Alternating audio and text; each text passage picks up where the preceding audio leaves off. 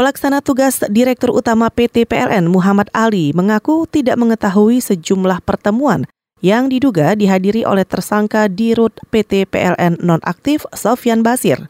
Ali yang kemarin diperiksa KPK selama 8 jam lebih mengatakan dirinya tidak ikut dalam pertemuan itu sehingga tidak dapat memberi keterangan.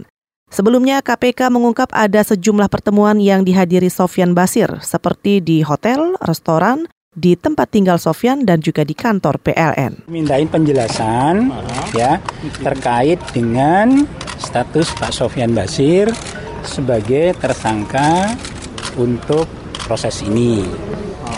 Nah, saya ditanya sebagai kapasitasnya sebagai Direktur Human Capital Management tentang pengetahuannya tentang Rio 1.